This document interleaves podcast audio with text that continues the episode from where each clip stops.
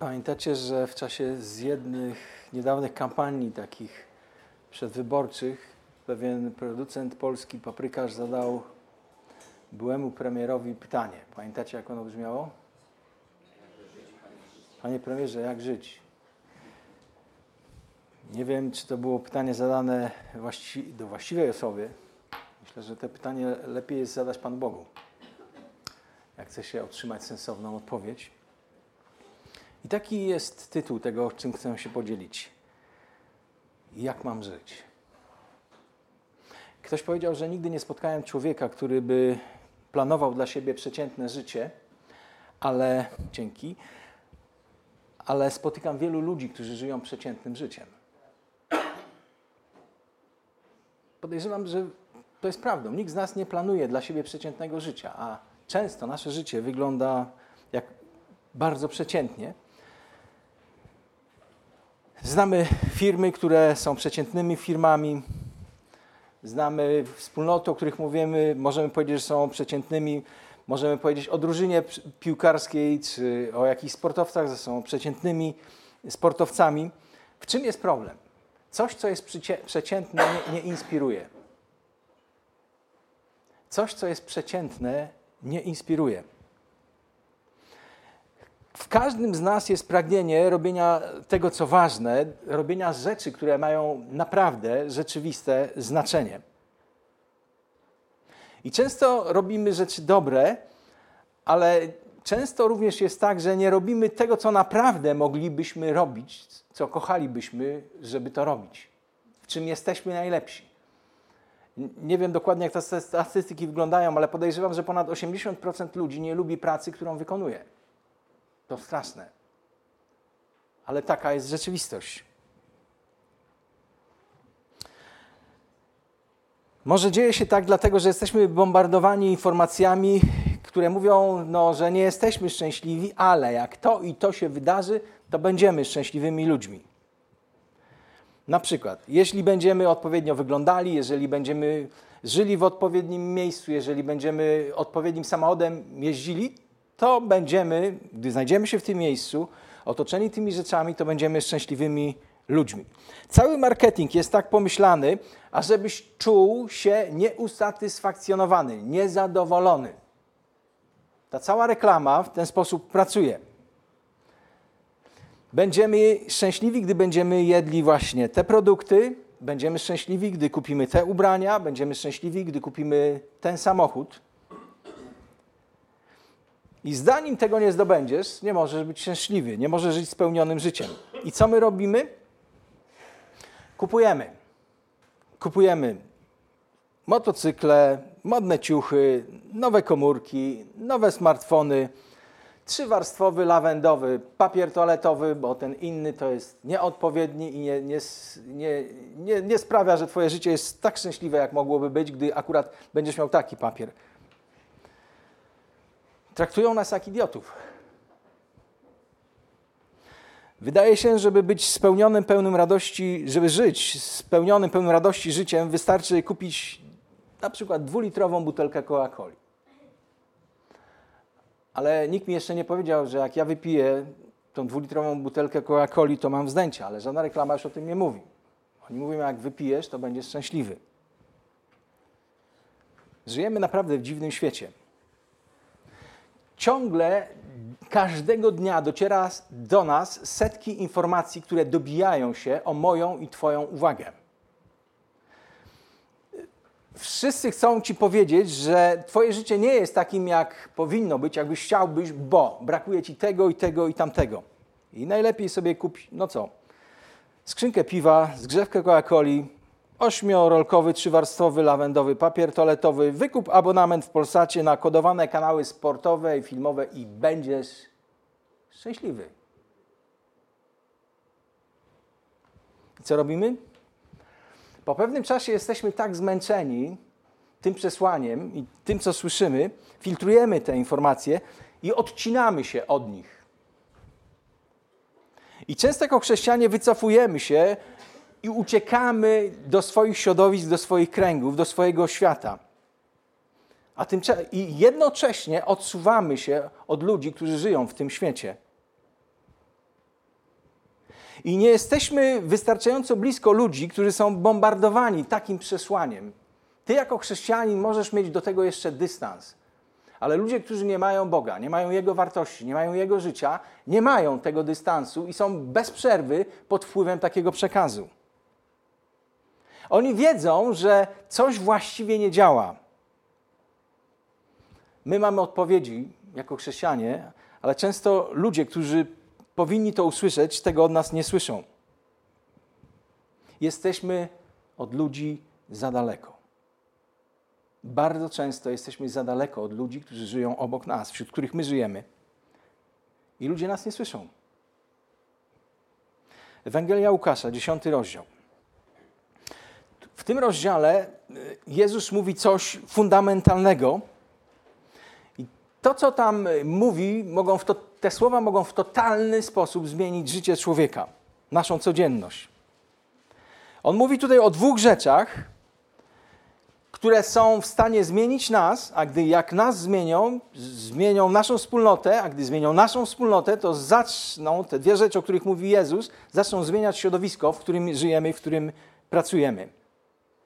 Przychodzi człowiek, 25 werset mówi o tym, uczony, znawca prawa i pyta Jezusa, nauczycielu, co mam czynić, aby odziedziczyć życie wieczne? Jezus naucza tłumy, jest bardzo popularny, to niepokoi ludzi, którzy są odpowiedzialni za religię. E, dokonuje Jezus niezwykłych rzeczy, jest otoczony potężnymi grupami ludzi. Niepokoi to przywódców religijnych i tutaj mamy jednego z nich. Pojawia się znawca prawa, taki ekspert. Jak jesteśmy w obliczu, w, w, sąsiedztwie kogoś, kogo nazywamy ekspertem, to się czujemy tak trochę nieswojo, prawda? Bo się wydaje, że to jest taki ktoś, kto wie wszystko. I ten ekspert tego prawa i religii przychodzi do Jezusa i pyta: Co mam robić, aby mieć relację z Bogiem? Jak mam żyć?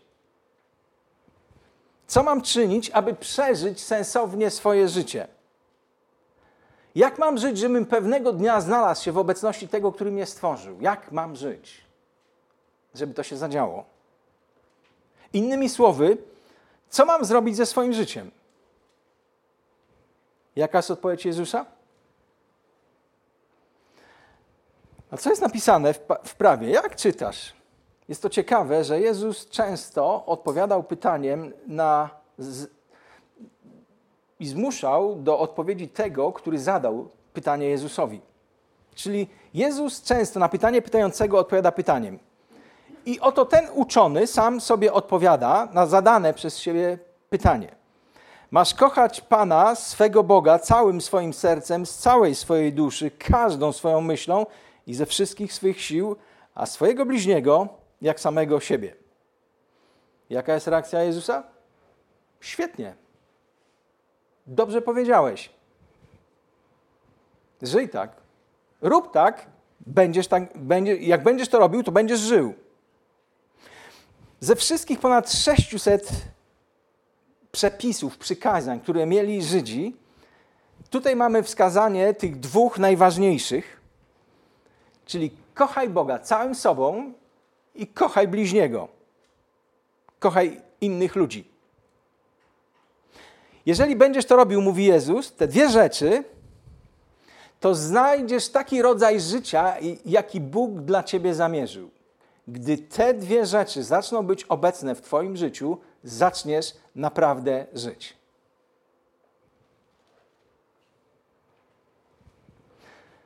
Znajdziesz radość, znajdziesz spełnienie, pokój. Takie życie, do jakiego Bóg nas stworzył. Kochaj Boga. To brzmi dla większości z nas, myślę, tak y, bardzo pozytywnie, jako dobra wiadomość. My zdecydowaliśmy się już oddać nasze życie Panu Bogu, więc życie dla Niego kochanie Boga powinno być dla nas relatywnie łatwą rzeczą. I gdy myślimy o kochaniu Boga, to o jakich chwilach myślisz? O jakich sytuacjach? Gdy na przykład jesteśmy w kościele, jest czas uwielbienia, nasza uwaga, e, słowa, które wypowiadamy, są skierowane do Pana Boga i w ten sposób wyrażamy, uważamy, że wyrażamy swoją miłość do Boga. Ale ale jutro znajdziesz się w pracy, na uczelni, w sklepie, w zatłoczonym autobusie, Będziesz zdawał pisemny egzamin, będziesz rozmawiał ze swoimi pracownikami, którzy powinni wykonać zadania, których nie wykonali. Kochanie Boga, już ten czas nie będzie takie proste i nie będzie takie łatwe. Kochanie Boga nie jest takie łatwe, gdy będziesz rozmawiał ze swoim nastolatkiem albo dzieckiem, swoim dzieckiem, które już kilkakrotnie zlekceważyło to, o co go poprosiłeś. W takiej sytuacji kochanie Boga nie jest rzeczą łatwą. A pomyśl o dniu, w którym doznałeś od Boga przebaczenia swoich grzechów. Gdy wracasz do tych chwil, do tych przeżyć, to gdy o tym myślisz, to jest łatwo kochać Pana Boga. Gdy masz świadomość, że On Ciebie kocha, że niezależnie od tego, co zrobisz, On z Ciebie nie zrezygnuje, że jest po Twojej stronie, zawsze gotów Ci pomóc. I gdy tak w tych kategoriach o Nim myślisz, to jest łatwo Go kochać. Albo gdy jesteś, nie wiem, w pięknym miejscu, na szczycie góry, te drzewa są zasypane świeżym puchem, albo są, mają taki szron, tak ręka mistrza to dotknęła. I w takim momencie, gdy jesteś otoczony spokojem tego miejsca, pięknem tego miejsca, jest łatwo mieć takie uczucia, emocje pełne podziwu dla Pana Boga. To wszystko stworzył i sprawił, że to istnieje. Jesteś wypełniony świadomością Jego obecności. Na przykład, gdy śpiewasz piesz, gdy słyszysz słowo, które mówi ci o tym, jak Bóg Ciebie kocha, jak bardzo Jemu na Tobie zależy, to jest to moment, w którym kochanie Boga nie jest rzeczą trudną. Ale pozwól mi powiedzieć, że w pewnych momentach i w pewnych chwilach kochanie Boga jest trudne, jest bardzo trudne. Gdy Bóg nie robi tego, czego ja się spodziewam, że powinien dla mnie, powinien dla mnie zrobić. Gdy nie reaguje i nie wchodzi w sytuację, ciężką moją sytuację, tak jak ja chcę i wyobrażam sobie, że powinien wejść i rozwiązać. Gdy jest w moim życiu rozczarowanie, gdy są trudności, gdy życie się nie układa tak, jak zaplanowałem, tak, jak chcę, gdy jest ciężko, gdy wydaje się, że, że, że Bogu na mnie nie zależy, gdy jestem w sytuacji, z której nie widzę wyjścia, kochanie Boga w takich momentach nie jest łatwe. Gdy modliłeś się o czyjeś małżeństwo, o czyjeś zdrowie, o czyjąś sytuację finansową, modliłeś się naprawdę, nie wypływała ta modlitwa z Twojego samolubstwa, a pomimo tego małżeństwo się rozpadło. Ktoś nie został uzdrowiony. I w takich chwilach, gdy nie jesteśmy ostrożni, patrzymy na okoliczności, w jakich jesteśmy i odkrywamy, że jesteśmy pełni żalu, pełni pretensji. Mówimy i pytamy: Boże, gdzie jesteś? Dlaczego do tego dopuszczasz? Dlaczego nie reagujesz? W takich chwilach trudno jest kochać Boga. A co mówi Jezus? Kochaj Boga każdą swoją myślą, swoim sercem, swoim życiem, swoją duszą, swoją ambicją, swoją siłą, swoim rozumem, wszystkim tym, kim jesteś. I gdy tak zaczynam żyć, gdy zaczynam mieć takie nastawienie do Boga, to zaczynam pojmować, czym tak naprawdę jest Jego dobroć, jest Jego łaska. Że jest tak dobry.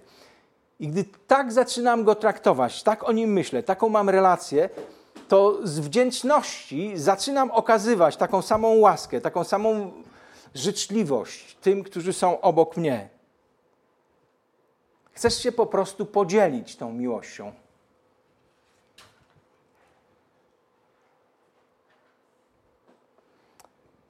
Ale Pan Bóg nie tylko spodziewa się tego, że ja będę Jego kochał, ale On mówi jeszcze coś dalej, a swojego bliźniego kocha jak siebie samego. Przecież dostatecznie trudnym jest kochać Boga w tych trudnych momentach, o których wspomnieliśmy. Rozglądnijmy się wokół siebie. No może, może, może nie bardzo, ale przynajmniej pomyślmy, czy tu wszystkich ludzi tak naprawdę są warci tego, żeby ich kochać, żeby dawać im swój czas? Dużo łatwiej jest kochać tych, którzy są dobrzy dla ciebie, którzy nie, darzą cię dobrym słowem, którzy ciebie zachęcą. Ale przecież często tak nie jest. Mogę kochać przyjaciół, tych, co się o mnie troszczą, którzy mi pomogą, są balsamem na moje zranienia, są uprzejmi, wyrozumiali, cierpliwi, słuchający, ale przecież niektórzy ludzie, jeżeli już nie tu, to gdzieś na zewnątrz, to palanci. Problem w tym, że często ja jestem takim palantem wobec drugiego człowieka. A Jezus mówi: kochaj. Kochaj takich ludzi. Ludzie ranią ludzi. Często ludzie Ciebie ranią, często Ty i ja ranimy innych ludzi. Są chwile, w których trudno jest kochać ludzi. Ludzie rozczarowani mogą przynieść rozczarowanie do mojego i do Twojego życia. Ludzie, którzy są pogrążeni i żyją w depresji, mogą depresyjnie wpływać na Ciebie, gdy spędzasz z nimi czas, gdy z nimi rozmawiasz. Kochanie tych, co są wokół mnie, nie jest łatwym wyzwaniem. To nie jest łatwe. Gdybyśmy niczego już więcej nie zapamiętali z tego, co dzisiaj tutaj z rana próbuję powiedzieć, to pamiętajmy o tym, że nie mogę zamykać oczu, ignorować nikogo, nikogo, kogo kocha Bóg. A On kocha każdego. Bóg zachęca mnie, zaprasza do tego, żebym kochał człowieka, kochał ludzi. On okazał mi taką niezasłużoną dobroć, którą nazywamy łaską. I wiesz, co, czego on oczekuje? Że ja taką samą niezasłużoną dobroć będę okazywał komuś, kto jest obok mnie. On zaakceptował mnie, zaakceptował innych ludzi. Wiesz, czego się spodziewa od ciebie ode mnie? Że ja ich zaakceptuję. Tych, co są obok mnie. On zachęca, żebym ich kochał, chociaż spora część z nich no, nie daje się kochać. To jest trudne. Ale to jest zaproszenie, bym kochał Boga i kochał człowieka, który jest obok mnie. I co mówi Jezus? Gdy będziesz to robił, gdy będziesz tak żył, to będziesz żył spełnionym życiem. I gdy zaczynamy tak żyć jako indywidualne osoby, jako wspólnota, zaczynamy mieć potężny wpływ na świat, w którym żyjemy. Ale najczęściej tak nie jest. Jako chrześcijanie, tak jak już wspomniałem, wycofujemy się. Wyglądamy przez drzwi naszego życia, miejsc, w których jesteśmy, i mówimy: Świat jest pełen brudu, jest pełen grzechu, jest pełen zła. Ta rzeka życia jest pełna mułu, pełna niebezpieczeństw. Wystarczy się rozglądnąć obok siebie. I wiecie, próbujemy robić chrześcijańską wersję wszystkiego. Mamy chrześcijańskie książki, mamy chrześcijańską muzykę, mamy chrześcijańskie szkoły, mamy chrześcijańskie przedszkola. Jakbyśmy mogli, to byśmy mieli chrześcijańską telewizję. Nawet t-shirty mamy chrześcijańskie. Niedługo dojdziemy do tego, że będziemy mieli osobistą bieliznę chrześcijańską. Nie zamierzaliśmy, ale odsunęliśmy się od świata, w którym żyjemy. I często jesteśmy naprawdę za daleko. I przez to straciliśmy możliwość, by mówić do ludzi, którzy są częścią tego świata i są częścią tego środowiska. To pragnienie, by kochać Boga, by kochać drugiego człowieka, często się nam gubi. Oddalamy się od ludzi, wśród których żyjemy. Gdy masz bliskiego przyjaciela, to może on ci powiedzieć takie rzeczy, których nie wolno powiedzieć komuś, kto ciebie nie zna, prawda? Ale przyjacielowi to uchodzi. On może ci to powiedzieć. On na przykład może ci powiedzieć coś takiego, że gdy mówisz, to robisz czasami takie głupie gesty. I on ci to powie, ty się nie obrazisz. Dlaczego? Dlatego, że on nie tylko to chce tobie powiedzieć i nie tylko w tym momencie jest z tobą. On spędził z Tobą czas, On z Tobą rozmawia, On Cię zachęca, On żartuje, On śmieje się, On płacze z Tobą. I ktoś taki zapracował na to, żeby powiedzieć Ci prawdę, taką prawdę, która Ciebie boli. Ale my nie mamy tak bliskich relacji z ludźmi, którzy są na zewnątrz naszego świata. I nie mamy prawa Jakbyśmy chcieli to mieć, ale nie mamy, by im to mówić, bo nie jesteśmy ich przyjaciółmi. Wiecie, co mówiono o Jezusie? Przyjaciel kogo? Celników i grzeszników. I on miał prawo mówić im bardzo twarde rzeczy, bo on ich kochał. I oni o tym wiedzieli. Po tym, jak ich traktował, co dla nich robił. Często jako Kościół, jako chrześcijanie straciliśmy prawo do mówienia ludziom prawdy, często bolesnej prawdy, bo straciliśmy z nimi relacje.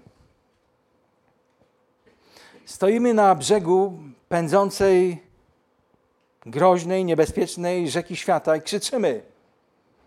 Krzyczymy jakieś przesłanie do tych ludzi. Ale tak wiele różnych innych przekazów do nich przychodzi, że w tym motłochu tych dźwięków oni tego nie słyszą. Jesteśmy za daleko. Mamy znaleźć sposoby, by zacząć być blisko ludzi, by być im pomocą, by im służyć, by w pozytywny sposób wpływać, oddziaływać na ich życie. Nie wiem, jak wyglądało wasze chodzenie do szkoły. Ja już dość dawno chodziłem do szkoły podstawowej, ale czasami mieliśmy takie zajęcie z plastyki. Musieliśmy stanąć przez całą klasą, a przedtem wykonać jakiś przedmiot. Mieliśmy ten przedmiot pokazać i omówić to. I często koledzy siedzieli tam w ostatnim rzędzie i wszystko robili, żeby że tak powiem, taką polewkę zrobić i rozśmieszyć mnie, który stałem z przodu i chciałem coś pokazać i powiedzieć. Chcę powiedzieć, że dla nas, chrześcijan, przyszedł czas, że my najpierw powinniśmy pokazać, a potem zacząć mówić.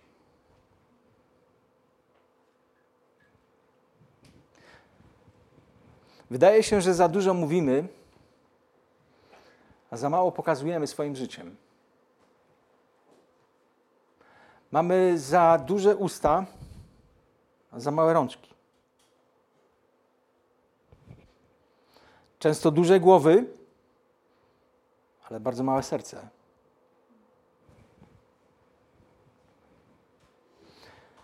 Stojąc na brzegu rzeki, stoimy, a może trzeba wejść do tej rzeki, żeby znaleźć się bliżej tych ludzi. Myślę, że nadszedł czas, abyśmy znaleźli sposoby, aby kochać naszych sąsiadów. To nie jest łatwe.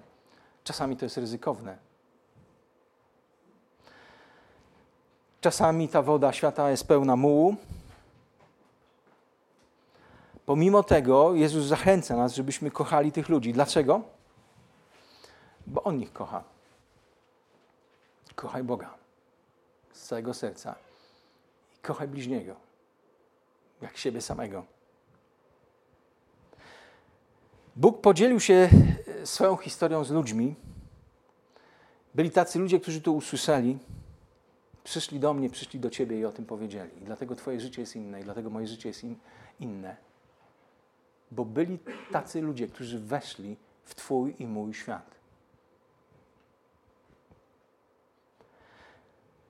Bóg napisał wspaniałą historię, a my mamy wziąć tę historię i zanieść innym. W jaki sposób? Dwie rzeczy. Kochać Jego i kochać człowieka i opowiesz tą największą historię właśnie w ten sposób.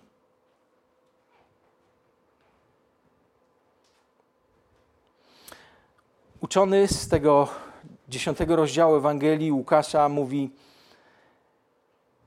jak już usłyszał sam to, co powiedział, że tym Bożym wymaganiem jest to, żeby kochać Boga i kochać bliźniego, to mówi, no mam pewien problem. Ja chcę to robić, ale mam pewien problem. Nie wiem, kto jest bliźnim.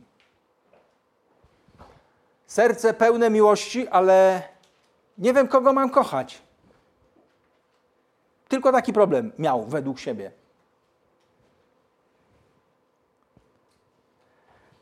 Kto jest moim bliźnim? Proszę o definicję. Ten, który żyje z lewej strony, z prawej strony, nade mną czy na parterze. Kto jest moim bliźnim? No, który z nich jest moim bliźnim? Jezu, daj mi definicję. Jaka jest odpowiedź Jezusa? Każdy, kto jest blisko. To jest bliźni. Czyli każdy, kto jest blisko. Są wypowiedzi Jezusa, które wprawiają w zakłopotanie, których za bardzo nie lubię. Dlaczego? Bo on spodziewa się, oczekuje, że zacznę robić coś, co dla mnie jest ekstremalnie trudne. A on nie tylko o tym mówi, ale tego oczekuje. Ja chcę kochać tych, którzy mnie kochają, ale kochać każdego? Traktować każdego jak dobrego sąsiada to nie jest łatwe. Pamiętam przed laty gdzieś na takim bazarku, gdzieś tam na Żoliborzu, e, przy takim no, sklepach i takich bazarkach byli tacy ludzie, którzy tak próbują coś tam wysępić. Dwa złote, pięć złotych. I ja zamiast tych dwóch złotych chyba dałem mu nas płytę albo jakiś traktat ewangelizacyjny. A wiesz co on zrobił, jak przyszedłem tam po 20 minach? Zadrapał mi samochód. Jak kochać takiego człowieka? Potem włączyłem myślenie, jak dałem mu płytę, jak taki bezdomny może otworzyć płytę? No co za głupota z mojej strony.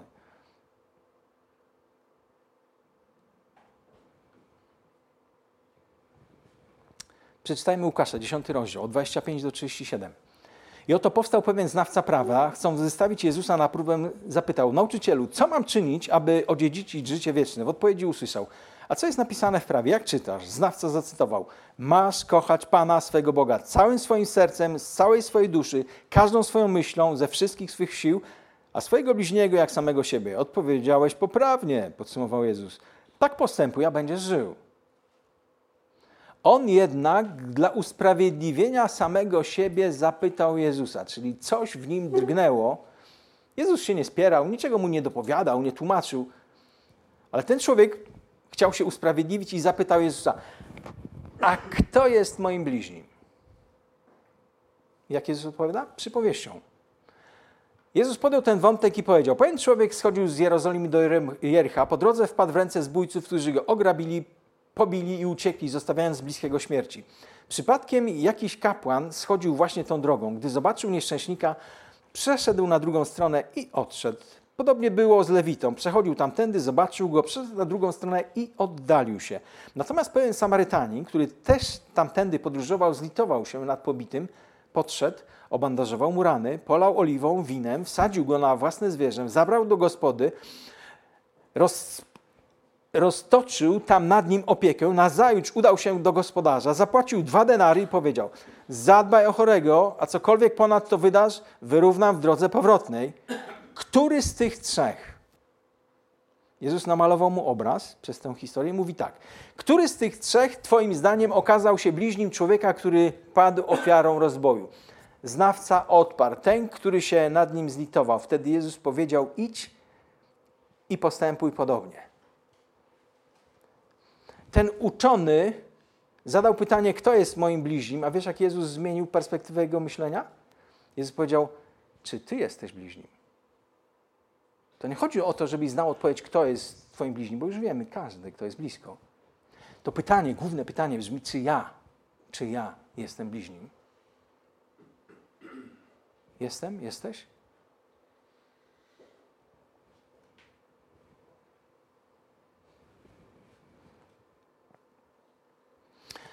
Jezus opowiada tę historię.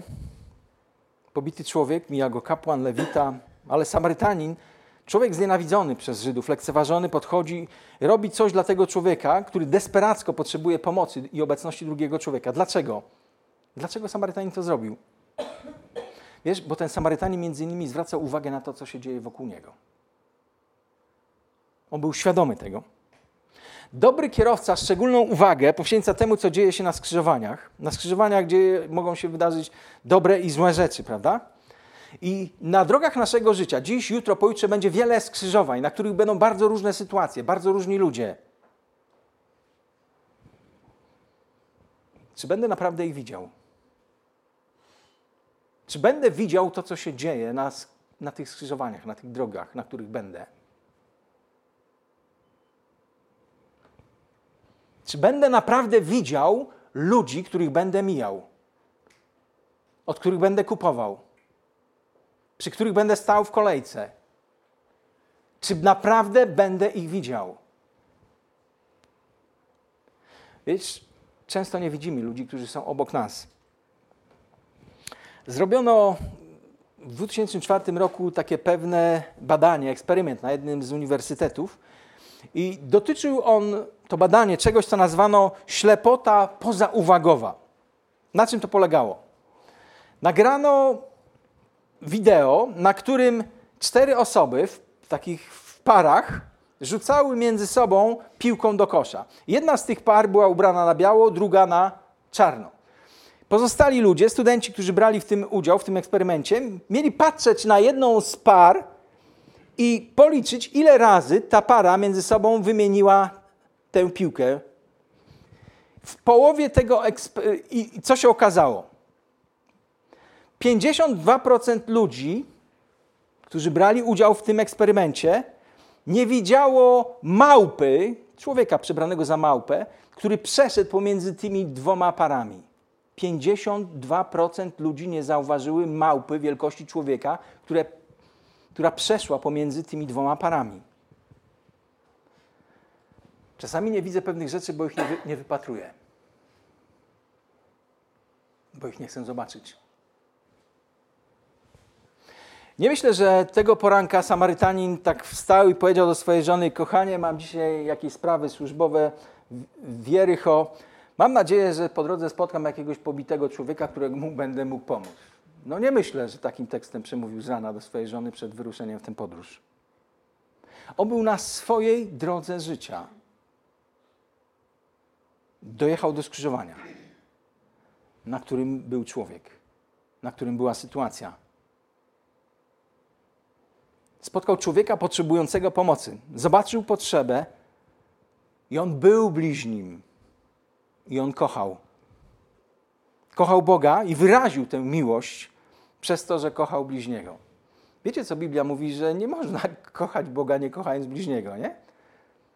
My te akcenty wszędzie przesuwamy. My mówimy o miłości do Boga, jaką mamy.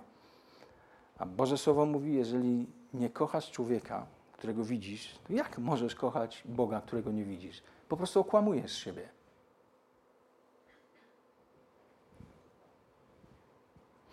Bóg zaprasza, byśmy kochali ludzi, którzy są wokół nas. Samotnych, takich, których trudno kochać, takich, z którymi trudno się przyjaźnić, takich, z którymi nikt nie, nie utrzymuje kontaktów, sąsiadów, sprzedawcę z pobliskiego sklepu. Po prostu zachęca nas do kochania ludzi. Dlaczego? No już wiemy, bo on ich kocha. A jak ty jesteś jego dzieckiem, to jesteś w dziełach swojego ojca i robisz to, co robi ojciec, to, co robi jego syn. Co zrobił Samarytanin? Już wiemy, zwrócił uwagę na to, co się dzieje na tym skrzyżowaniu życia. Po pierwsze, zatrzymał się. Jedzie drogą, widzi pobitego człowieka, zatrzymuje się, angażuje się. Brudzi sobie ręce, czyści rany, zalewa je winem, wsadza do swojego samochodu. Takiego pobitego, pokrwawionego. Wiezie go do zajazdu zaprzyjaźnia się z nim, spędza z nim czas. Ostatnią rzecz, jaką dla niego czyni, to jest gotów dać mu pieniądze. Wiecie, czasami jestem winny tego, że pierwszą rzeczą, jaką robię w takiej sytuacji, jest danie pieniędzy. Wiesz dlaczego? Bo danie pieniędzy jest rzeczą najłatwiejszą i sprawia, że nie muszę się zaangażować. Bo łatwiej dać 2 zł, 5 zł, 10 zł, niż dać swój czas, swoją uwagę, swoje możliwości. Czyli danie pieniędzy jest łatwiejsze niż zaangażowanie się, nawiązanie głębszej relacji, pobrudzenie się. Nie mówię tego, żeby zniechęcić nas do, do wspierania dobrych rzeczy, Ale mówię to po to, żebyśmy znaleźli sposoby, aby zwracać uwagę na to, co się dzieje na skrzyżowaniach dróg naszego życia, aby widzieć to, co Bóg przez nas chce zrobić dla innych ludzi. My lubimy ten tekst z Efezjan 2:8-9. Pamiętacie, tam jest napisane? No, jako ewangeliczni chrześcijanie to powinniśmy wiedzieć. Co tam jest napisane? No. Gdyż łaską jesteśmy zbawieni przez wiarę i to nie z was, Boży to dar, tak? Nie stało się to dzięki uczynkom, aby się ktoś nie wynosił. Czyli ten tekst mówi, że Bóg dał nam niezwykły dar, niezwykły prezent, łaskę. Ale wiecie, bardzo często to jest wszystko, co my pamiętamy z tego fragmentu, ale tam jest kolejny werset, dziesiąty, i on mówi coś takiego. Jesteście Jego dziełem, zostaliście stworzeni w Chrystusie Jezusie do dobrych czynów. Bóg przygotował je już wcześniej, by były treścią naszego życia. Bóg, nie jestem, nie jesteś zbawiony przez swoje dobre czyny, ale jestem i jesteś zbawiony do dobrych czynów. Do robienia dobrych czynów.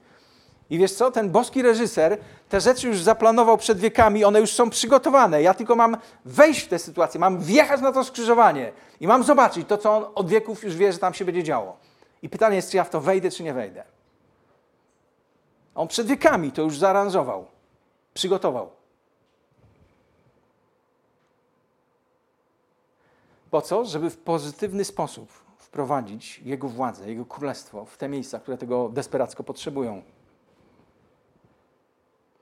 Jeden z problemów mojego życia, że często jadę ze spuszczoną głową, za bardzo nie zwracam uwagi na to, co się na bieżąco dzieje wokół mojego życia, próbując osiągnąć jakieś cele. Zbyt często podróżujemy z zamkniętymi oczyma i z niesłyszącymi uszami, z niewidzącymi oczyma z niedziałającymi rękoma. Przejeżdżamy przez kolejne skrzyżowania życia, na drodze naszego życia. I robimy to zbyt często. Jesteś skupiony na swoich problemach, swoich sprawach, swoich rzeczach, moim życiu. Może będąc w takim stanie, mijam te rzeczy, które Pan Bóg dla mnie zaplanował. Gdybym w to wszedł, zacząłbym naprawdę żyć. A gdy je mijam, to tylko egzystuję, ale nie żyję. On je zaplanował, żebym zrobił je z miłości do Niego i do ludzi, abym żył życiem spełnionym, pełnym wigoru. Tak naprawdę nasze życie jest jak dana nam przez Boga pożyczka. Pan Bóg spodziewa się ode mnie i od Ciebie pewnych zwrotów. I nie chodzi o to, że te dobre czyny sprawią, że On mnie przyjdzie, przyjmie do siebie, bo już to zrobił przez okazaną mi łaskę, ale On chce i spodziewa się ode mnie i od Ciebie, żebym okazywał łaskę i miłość wobec innych, tak, aby Jego miłość i Jego łaska docierała przeze mnie do innych ludzi, żeby to życie było zmieniane. On pragnie, żeby moje życie miało znaczenie żeby wywierało wpływ. Gdy zacznę z miłością to moje życie inwestować w życie innych, którzy są obok mnie. Co sprawia, że żyję? Naprawdę? Miłość. To, że kocham Boga i to tak, jak tego oczekuję. I gdy to się dzieje, to zaczynam kochać ludzi, którzy są obok mnie. Miłość, którą mogę okazywać na skrzyżowaniach dróg mojego życia, sprawia, że moje życie ma sens. Moje życie, to co mam, czym dysponuję, moje środki, pieniądze, wszystko co mam, mam użyć w taki sposób dla drugiego człowieka, żeby to miało znaczenie dla wieczności. Jeżeli inwestuję swój czas, swoje pieniądze, swoje środki, swoje dary, swoje talenty, swoje możliwości w coś, co nie ma wiecznej wartości, to to, co robię, jest wiecznie nieaktualne. W co inwestujesz siebie? Swoje serce, swoje możliwości. Może to, co powinniśmy zrobić, to zsiąść z naszych osłów i zacząć widzieć to, co się dzieje obok. Zatrzymać się, by kochać. Jezus mówi: Jeśli będziesz robił te dwie rzeczy, będziesz żył, naprawdę żył. Będziesz miał takie życie, jakim Bóg chce, żebyś żył, jakie zamierzył dla mnie i dla ciebie. I kończąc, chcę powiedzieć o takiej sytuacji. Ja już jestem emerytem. Dostałem 15 pierwszą emeryturę w swoim życiu. Już powinienem ją wcześniej brać, ale dłużej pracowałem, żeby więcej miał, ale przekalkulowałem, że to nie ma sensu. Ale wyobraź sobie taką sytuację. Pracowałeś w jakimś biurze, jakiś człowiek pracuje w biurze, nie wiem, przez 40 lat, czy jakiejś firmie i przychodzi ostatni dzień jego pracy. To, to niezbyt radosna chwila, nie? No nie wiem, czy większość ludzi czeka z takim utęsknieniem i z podskokach na, na ten dzień, gdy już nie będą musieli pójść do pracy, jeżeli ją lubią. I ten facet bierze pudełko, taki karton i zaczyna pakować różne rzeczy, jak e, jakieś fotografie swoich dzieciaków, które tam od lat stały, które przypominały mu w tym miejscu pracy o tych, których kocha. I wszystko po kolei, te różne swoje szpargałki, które się drały, pakuje do tego pudła. Bierze to pudło, otwiera drzwi i ostatni raz zamyka te drzwi do swojego biura, w którym spędził 40 lat swojego życia. I gdy już wychodzi przez te drzwi, widzi, że stoi jakiś człowiek, który klaszcze. Myśli, że najpierw to jest jakiś, wariat. A to jest jego syn, który przyleciał samolotem z odległości 600 kilometrów, żeby być w tym dniu w tym momencie, gdy ojciec ostatni raz wychodzi ze swojego biura, wiesz co zrobił? Zaprosił ojca i jego kolegów na kolację. Po kilku dniach ojciec pisze list do swojego chłopaka i mówi, jak wielką dla niego było sprawą to, że, że on był w tym momencie z nim i zrobił to, co zrobił. I potem powiedział jeszcze coś takiego: Pewnego dnia moje życie tutaj na ziemi się skończy. Przy bramie będzie stał ojciec i będzie klaska. Mówi, synu, dobra robota.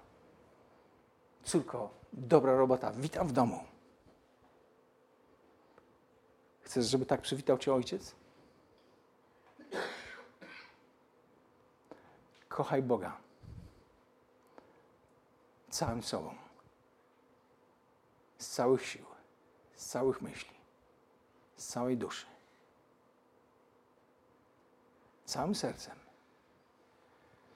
a bliźniego, jak siebie samego. Może powinieneś coś załatwić z Jezusem?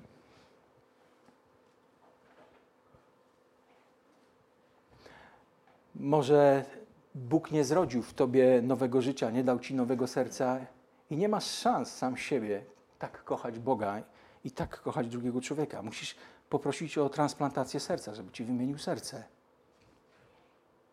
Bo dopiero gdy to zrobi, będziesz potrafił tak kochać Boga i drugiego człowieka. Masz to jego nowe życie? Prosiłeś go o przebaczenie?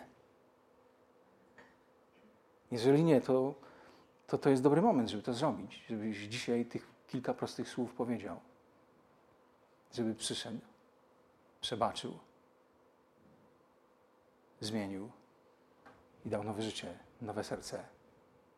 Nie takie, które jest skupione na Tobie, na sobie, na tym, by mieć i jak najwięcej, ale po to, by kochać, by dawać, by widzieć, by czuć.